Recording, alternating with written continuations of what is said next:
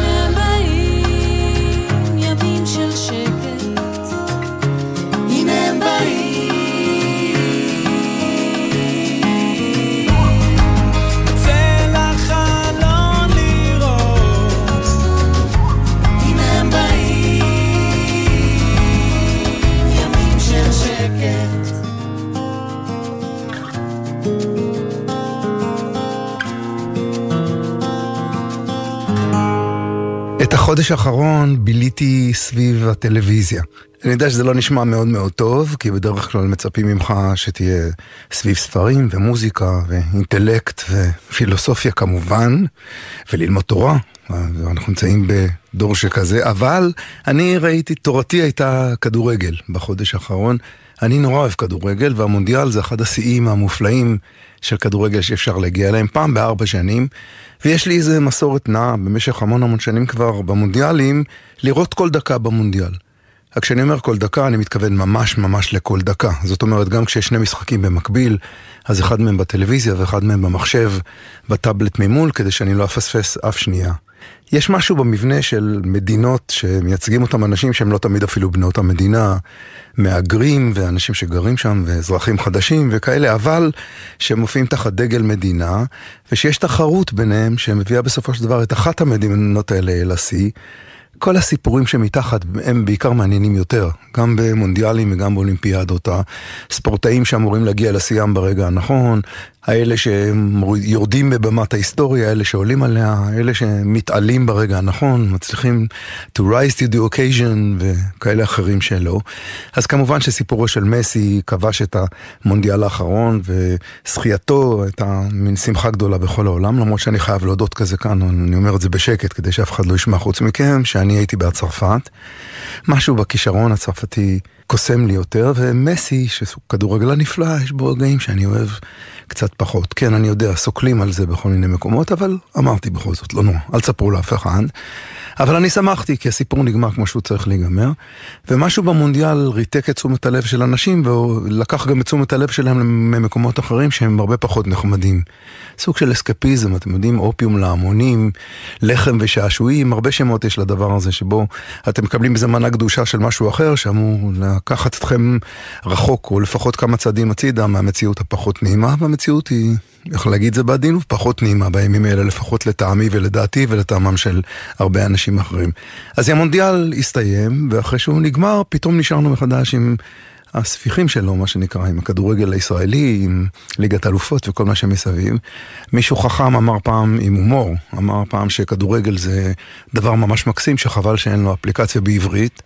אז כל מי שראה את המשחקים האחרונים בכדורגל הישראליים, זה נראה לו פתאום קצת slow motion, קצת פחות פחות אה, מונדיאל. אני בתור אוהב כדורגל גדול נהנה בכל דקה ובכל רגע ומנסה לחנך גם למקום הזה של מצוינות את כל מי שסביבי ושל שאיפה למטרה ושל הקרבה לצורך זה. השיאים הם באמת באמת גבוהים. אז המונדיאל לא נגמר, אבל העולם עדיין פתוח בפנינו. אז רוד סטיוארט כתב שיר כדורגל, לא הרבה כותבים שירי כדורגל, ורוד סטיוארט עשה את זה בחוכמה רבה, כי הוא כתב את השיר הזה, זאת אומרת, הוא שר את השיר שמדבר על קבוצת הכדורגל האהובה עליו, כאילו היא אישה אהובה. השיר הזה נקרא You're in my heart, You're in my soul, ורוד סטיוארט הסקוטי, שנדמה לי שהוא מדבר על... אני לא, לא רוצה, בין הריינג'רס וסלטיק, אני לא, לדעתי זה סלטיק, אבל יכול להיות שגם בעניין הזה אני אסתכל. יאללה, חבר'ה, אבנים.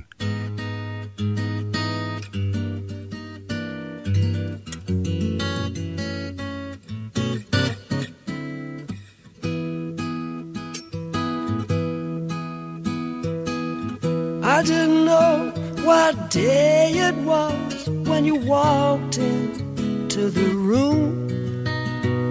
I said hello unnoticed. You said goodbye too soon. Breezing through the clientele, spinning yarns that were so lyrical. I really must confess right here the attraction was purely physical.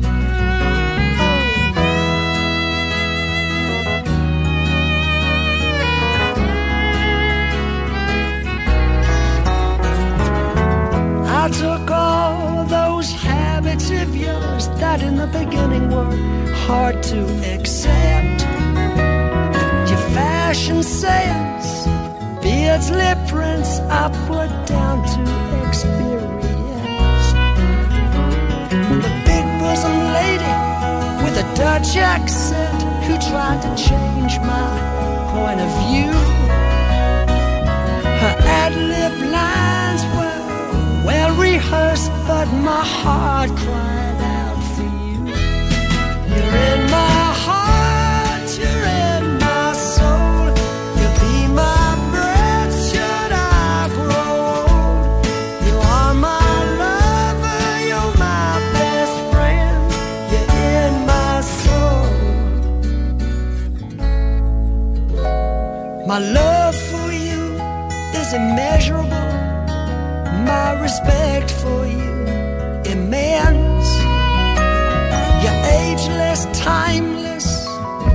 and fineness, your beauty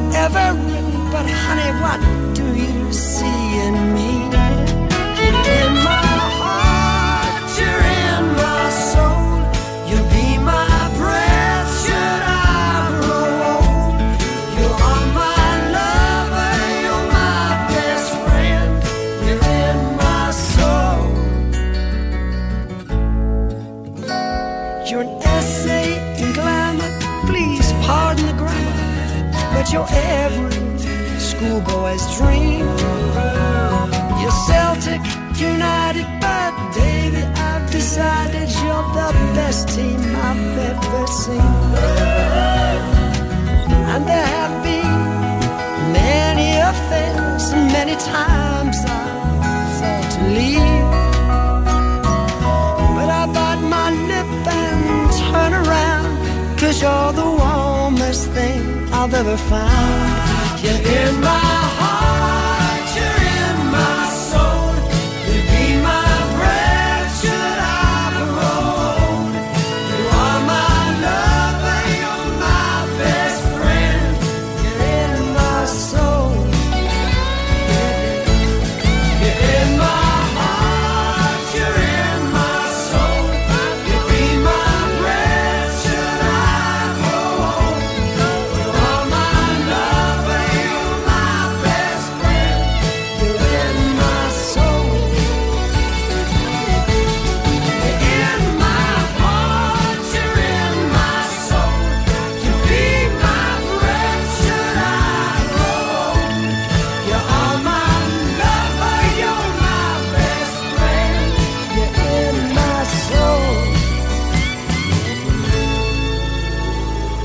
כדורגל הוא תחום מאוד מאוד דמוקרטי.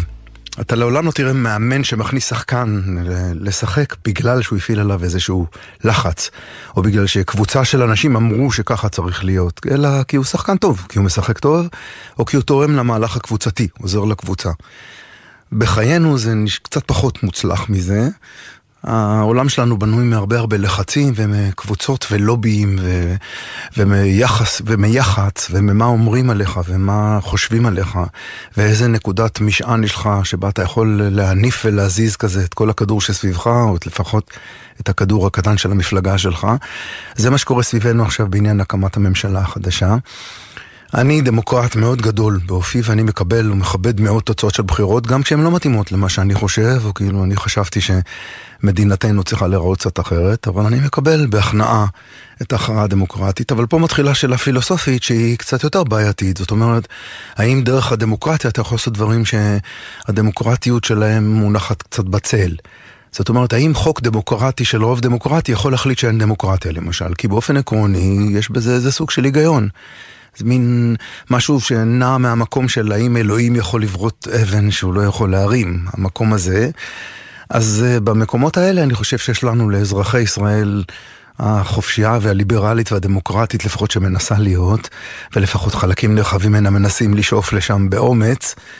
יש משמעות מאוד מאוד גדולה במה אנחנו אומרים, במה אנחנו חושבים, בכמה כל המקומות שבהם אנחנו יכולים להגיד את זה פתוחים בפנינו, כמה אנחנו יכולים להמשיך להיות ליברליים והומניים ואוהבי האדם ואוהבי אחד השני, ואנשים שמאמינים בהכלה ובזכות של אנשים אחרים לחיות את חייהם כל זמן שהם לא כופים אותם על אנשים אחרים, ובזכות לשאיפה לשלום ובאי אלימות וכל מיני מקומות כאלה שאני חושב שפעם היו ערך עליון במדינת ישראל, ועכשיו צריך להגיד אותם בקול קצת יותר רם כדי שישמעו אותם בתוך בתוך הרוחות שמסביב. אז דמוקרטיה זה הדבר באמת הכי חשוב שיש, והכרעת העם היא דבר חשוב מאוד, למרות שגם שם יש כל מיני עניינים של כמה ומספרים וכמה אנשים לא הלכו, וכל אלה שישבו בבית בבחירות ואמרו, אה, זה כולם אותו דבר. בסופו של דבר, כמובן, אני מתנגד קיצוני לתחושה הזאת. אני חושב שבן אדם צריך להשפיע על חייו ולנסות להניע אותם לכל מקום שהוא רק יכול. בסופו של דבר אנחנו כולנו מדוושים, כמו על אופניים, אם נפסיק לדווש, אנחנו ניפול על הצד. אז גם בעניין של דמוקרטיה, לא לשכוח, כל מה שאנחנו חושבים וכל מה שאנחנו מאמינים בו, גם אם אה, מה שנבחר הוא נגד, אנחנו צריכים להמשיך להגיד, להמשיך לשמור עליו, ובעיקר להמשיך על הזכות לשמור עליו, על הדמוקרטיה הזאתי. ואני בחרתי להשמיע לצורך כל הקטע, כל הנאום המצחיק הזה שאמרתי עכשיו, שאני בטוח שיש הרבה אנשים שחושבים הפוך ממני בו, את השיר של הביטלס, אהובי ליבי, את All You Need Is Love מ-1967. הם ישבו שם מול מיקרופונים בשידור הלוויין הראשון העולמי, ושרו, זאת אומרת חצי שרו. היה שם סוג של פלייבק, אבל השירה וחלק מהנגינה הייתה ב live. את All You Need Is Love, שאומר שבסופו של דבר, כל מה שמסביבך, אין שום דבר שאתה יכול לעשות שלא נעשה, אין שום דבר שאתה יכול להגיד שלא נאמר, ובסופו של דבר כל מה שכולנו זקוקים לו הוא אהבה. אז אם אנחנו באמת נאהב את עצמנו, ונאהב את החופש שלנו, ונאהב את הדמוקרטיה שלנו, אז באמת אהבה תנצח בסופו של דבר, וזה כנראה לא משנה מה אתה חושב ובאיזה צד של המפה הפוליטית אתה, מה שאתה באמת מאמין בו. All we need is love.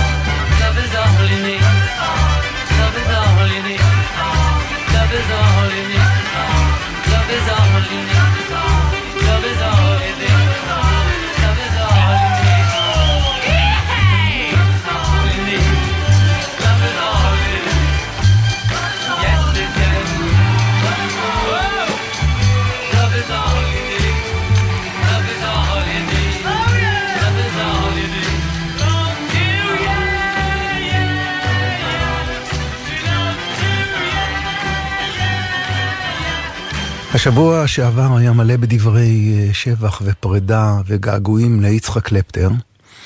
אהבתי מאוד את יצחק קלפטר, גם הבן אדם וגם האומן. יצא לי גם להכיר אותו כאומן וגם לקבל ממנו כמה עצות מאוד מאוד נבונות, אני אספר לכם על זה תכף. אבל בעיקר הפרסונה הציבורית שלו, של יצחק קלפטר, שהיה איש כבד דיבור ואיטי מאוד, כאילו במחשבתו ובתנועותיו, ומוזיקאי שהכנפיים שלו היו עצומות, שהשירים שהוא כתב והלחנים שלו, הטקסטים הלכאורה פשוטים והמלאי חוכמת חיים שלו, הנגינת הגיטרה באמת המופלאה שלו, שבה הוא פשוט הלחין שירים חדשים דרך נגינת הגיטרה שלו, היו משהו יוצא דופן. הכרתי את יצחק קלפטר גם באופן אישי, הוא היה אחד מגיבורי נעוריי כמובן, מלהקת כוורת, כל אנשי כוורת, עד היום כשמישהו מאנשי כוורת מופיע בטלפון שלי מצלצל, או כשאנחנו משתפים פעולה, ויצא לי כבר, ברוב השנים שבהם אני עובד, לעבוד עם כמה מהאנשים האלה, עדיין משהו בלב שלי קופץ. וקלפטר היה אחד מהקבוצה הזו כמובן. ואחר כך יצא לי לעבוד איתו ביחד במועדון ליד הים בתל אביב שנקרא מועדון האסם, שבו ניגנתי בלילות וגם יצחק עבד שם. ובאחד הפעמים הוא ישב והקשיב לי מנגן ושר, בעיקר שירים של הביטלס, מנגן ושר המון המון המון. בסוף הערב הוא ניגש אליי והוא שם לי יד על הכתף כדרכו הקלפטרית, הקצת דובית משהו, ואמר לי, אתה יודע, זה קלפטון אמר, אבל זה קלפטר עכשיו מדבר אליך, שהחוכמה של אנשים שמנגנים זה לא רק מתי הם מנגנים, אלא מתי הם לא מנגנים. תחשוב על זה.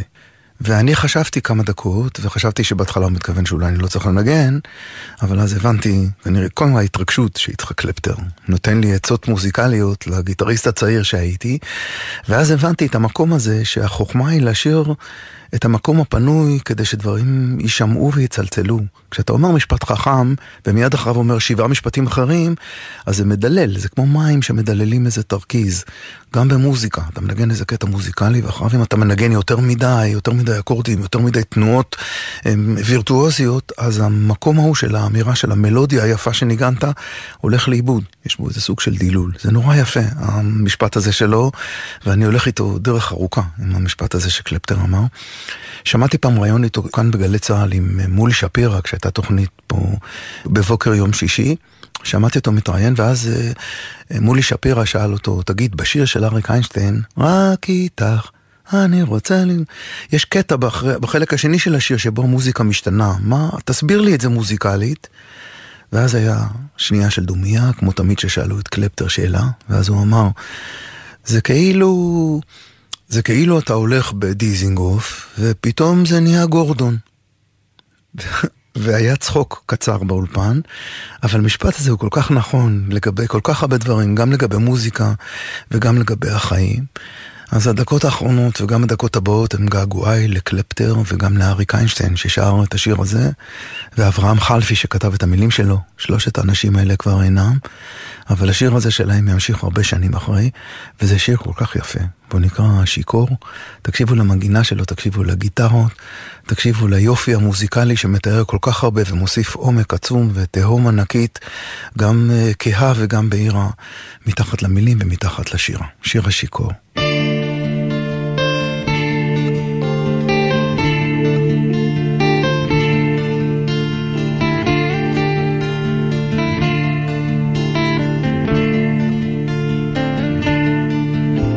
נושרים כוכבים אחד אחד. אין דם, אין דם כאבני החן. ואז אדמה שהלילה ירד ולבש גופי מגן. כי מלא האוויר נשימת ינשוף, אין לראות, אין לדעת שבילי מחר.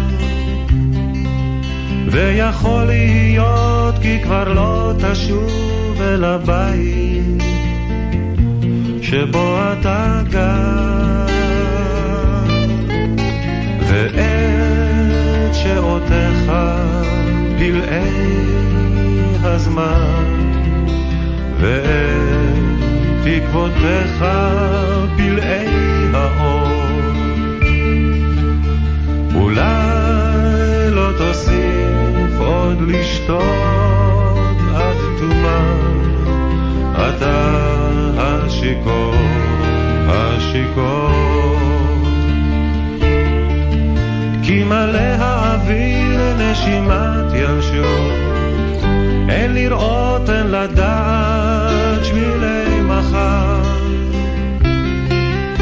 ויכול להיות כי כבר לא תשוב אל הבית שבו אתה גר.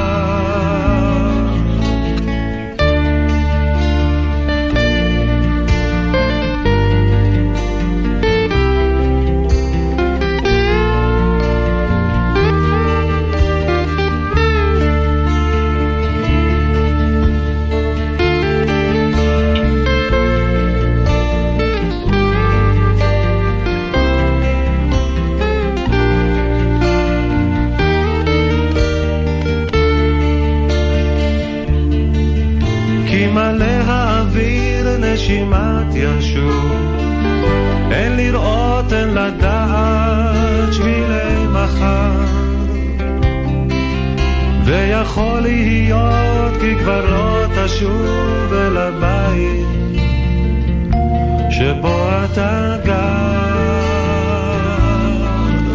נושרים כוכבים אחד אחד אין דרך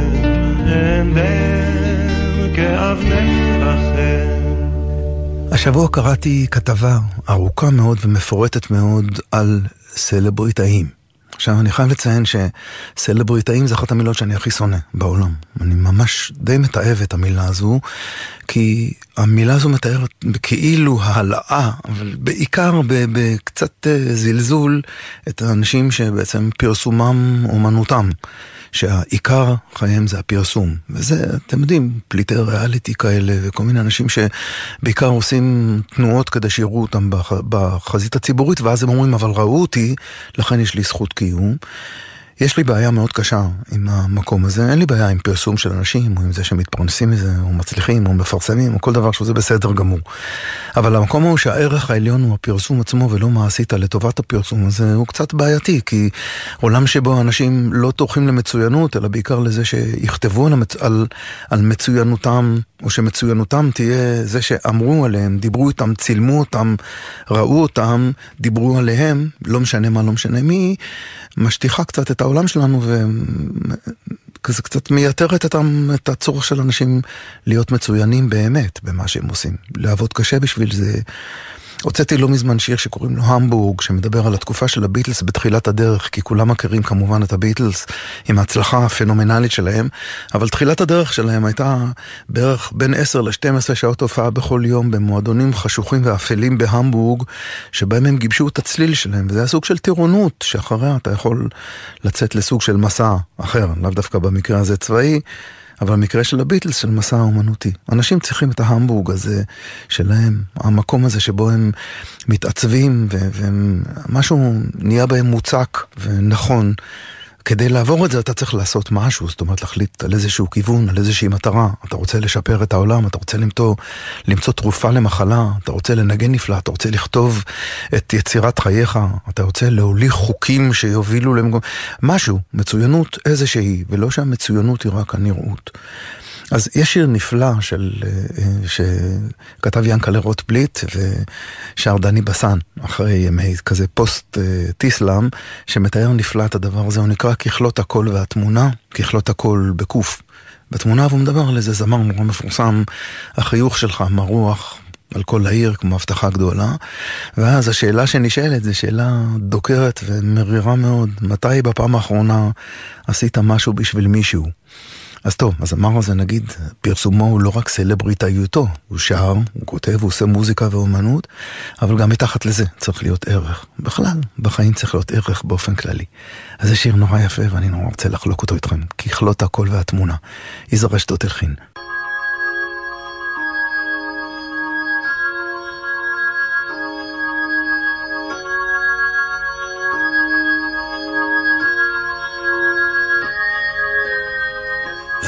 החיוך שלך מרוח על כל העיר. כמו הבטחה גדולה.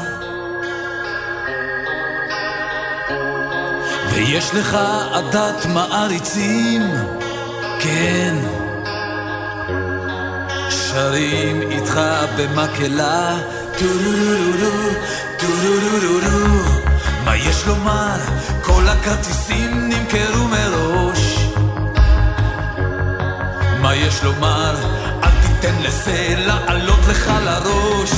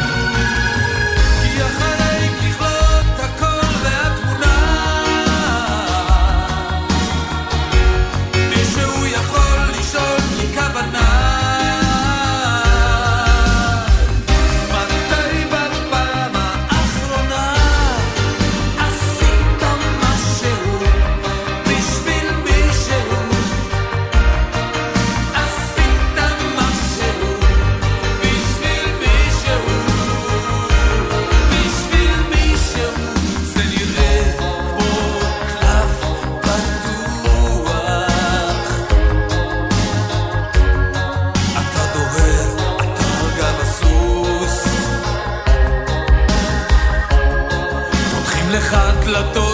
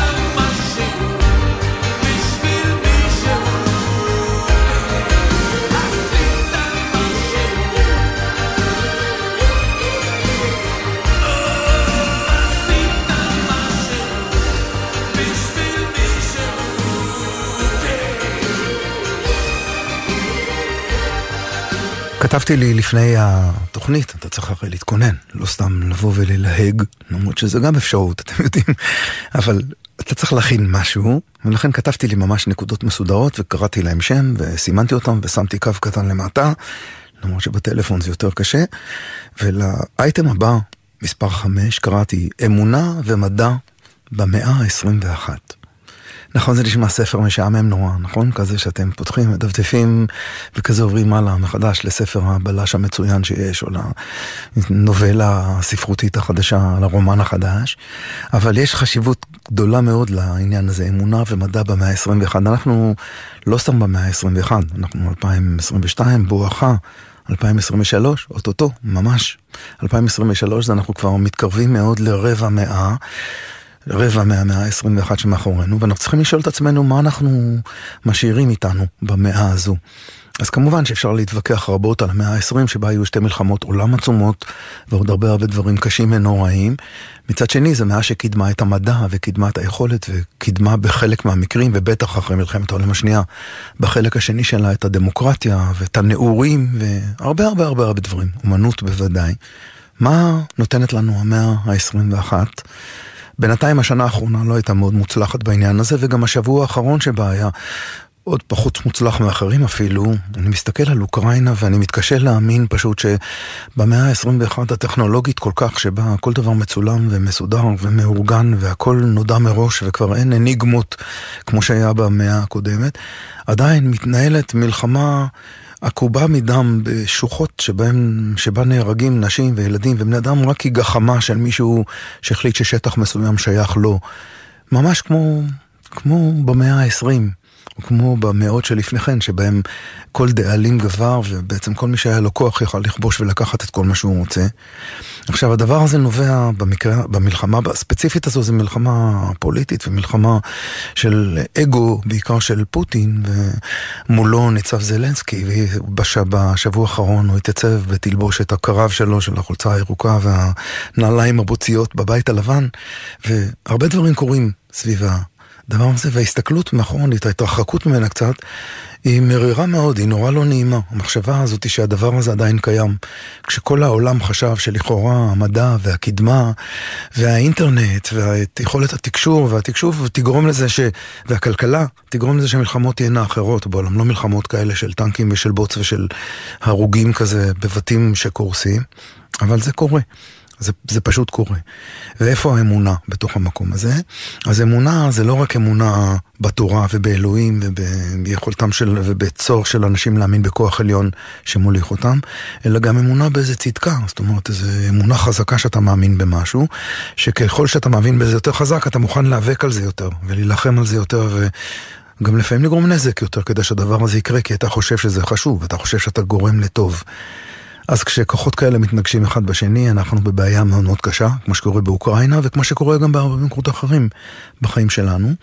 אני בתור אגנוסטיקן גאה, שחושב שהעולם הוא די רנדומלי בסופו של דבר, ולא יודע להסביר הרבה תופעות בו, לא בגלל שאי אפשר להסביר אותם. אני מניח שיש איזשהו הסבר, אבל ההסבר הקיים פחות מרצה אותי. ההסבר של אמונה, למשל, של כוח עליון שמסדר ויש בו שכר ועונש, כי פשוט אין שום הוכחה אמפירית לזה, לפחות בעולם שלי, הוא קצת יותר בעייתי. מאמין בסופו של דבר בקרמה וברוח האדם ובטוב, וכשהדבר הזה נתקל בכוחות אה, יותר כהים כמו פוטין וחבריו, האמונה הזו קצת אה, דוהה וקצת מתקהה. אבל אני מאמין ב...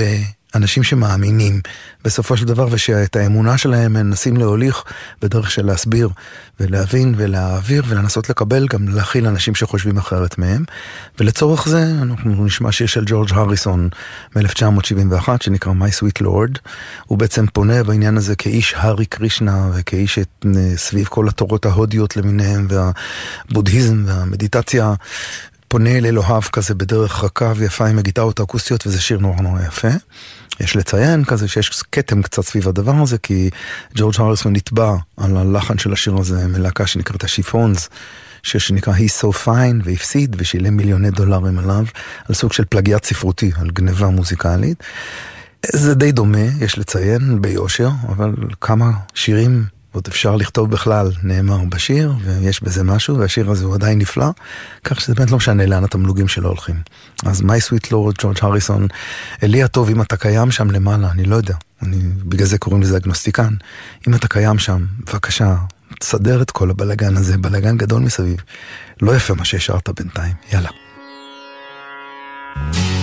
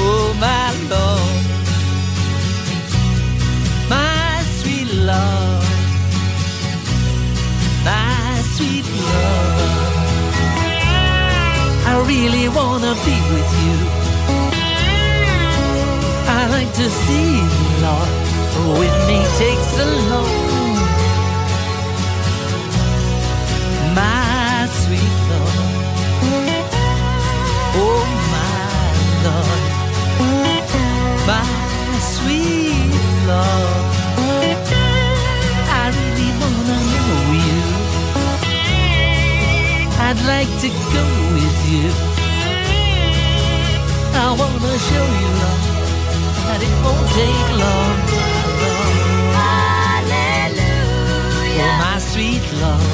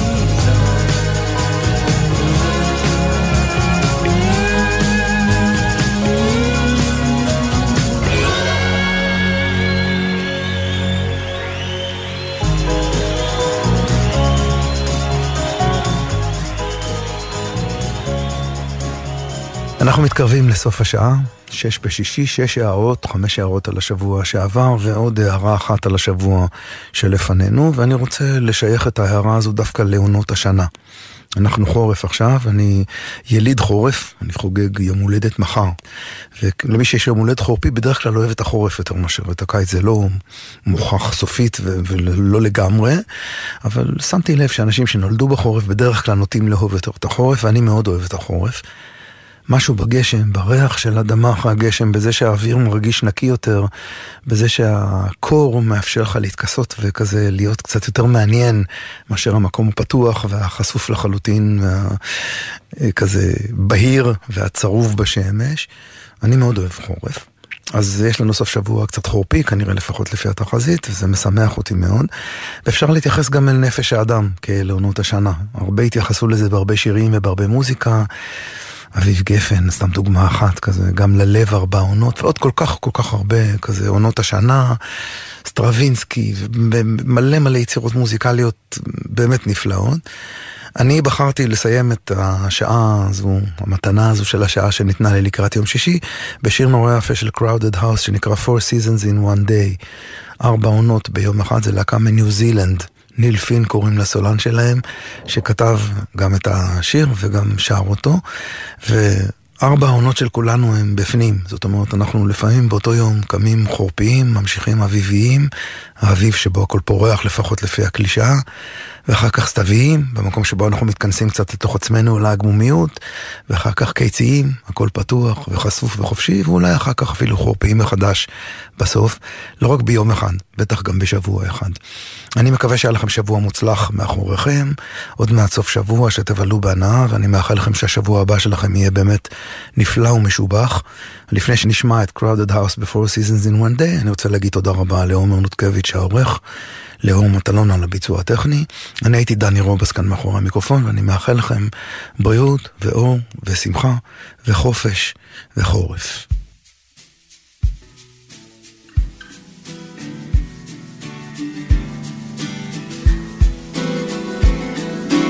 Four seasons in one day, lying in the depths of your imagination, worlds above and worlds below.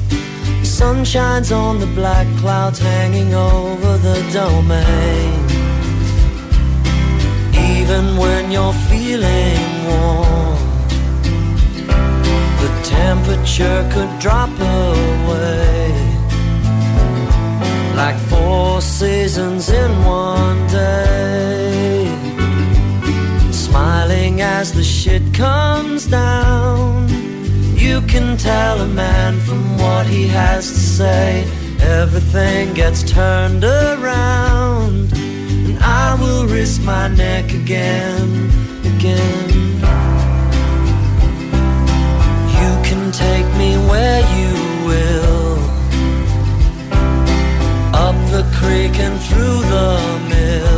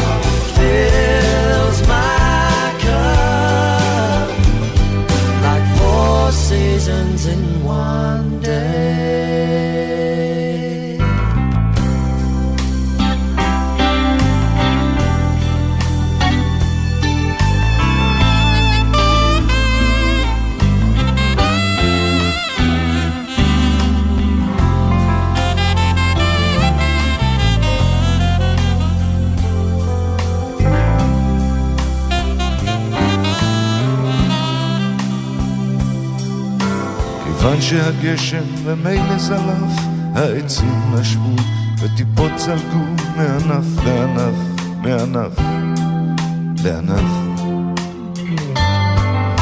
כיוון שבמילא הים געש, הגלים קצבו והחול נרטב, והיית לבד וחיפשת חבר. זה היה סיפור של חורף, לא יותר, לא. זה היה סיפור של חורף, לא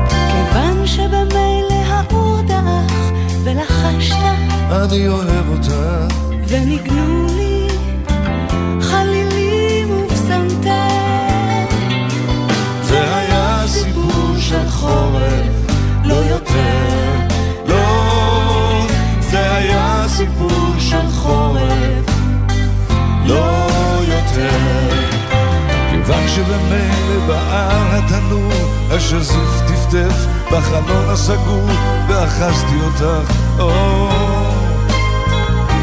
היה לי טוב.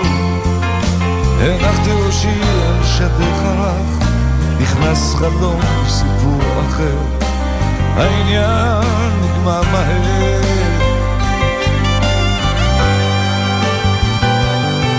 זה היה סיפור של חורף, לא יותר. לא, זה היה סיפור של חורף, לא יותר.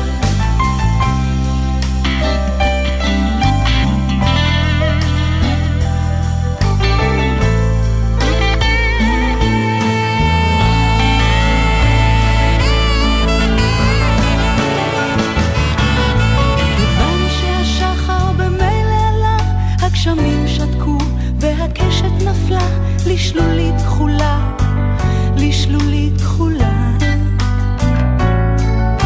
כיוון שבמילא הים נרגע, הגלים חזרו, והחול יבש, השנים חלפו, ואני אומר, זה היה סיפור של חורף, לא יותר, לא, זה היה של חורף, זה היה סיפור של חורף. לא יותר.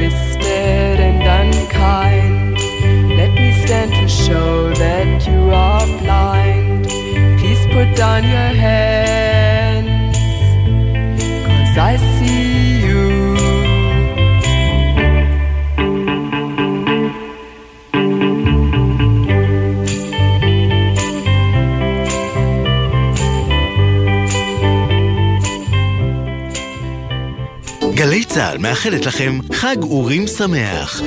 חבריי הוותיקים, יש לי מילה אחת בשבילכם, עוד. בגילנו אנחנו צריכים לתת לעצמנו עוד, גם בכביש. להשקיע עוד קצת ולחצות אך ורק במעבר חצייה, גם אם הוא קצת רחוק וקשה ללכת אליו. לא להתפרץ לכביש, לסמן לנהג שאנחנו רוצים לעבור ולהסתכל לו עוד רגע בעיניים כדי לוודא שראה אותנו. כ-50% מהולכי הרגל הנהרגים בתאונות דרכים הם אזרחים ותיקים. תנו להם עוד קצת זמן. אלה החיים שלהם. הרלב"ד, מחויבים לאנשים שבדרך.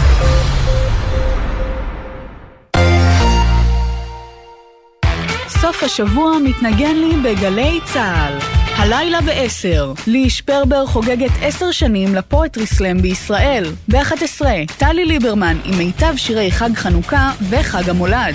ומחר, בוא שיר עברי. יורם רותם מארח את שרי צוריאל לרגל יום הולדתה ה-70. וב-2, הדרן. גידי גו ויהודית רביץ במופע משותף מאוד. סוף השבוע מתנגן לי בגלי צה"ל. ג'קי, תגיד, שמעת על אזור התוכן החדש ביישומון גל"צ? כן, שמעתי מעמול. בירושלים אנחנו קוראים לזה גלצללה. את יודעת, לוסי, כמו 200 או אבו יויו. מה, אתה רציני איתי? לא, אבל אם נדבר ברצינות, נכנסתי לזה וזה פשוט מעולה. יש שם באמת מגוון של תוכניות, ואיזה כיף שגם התוכנית שלנו שם.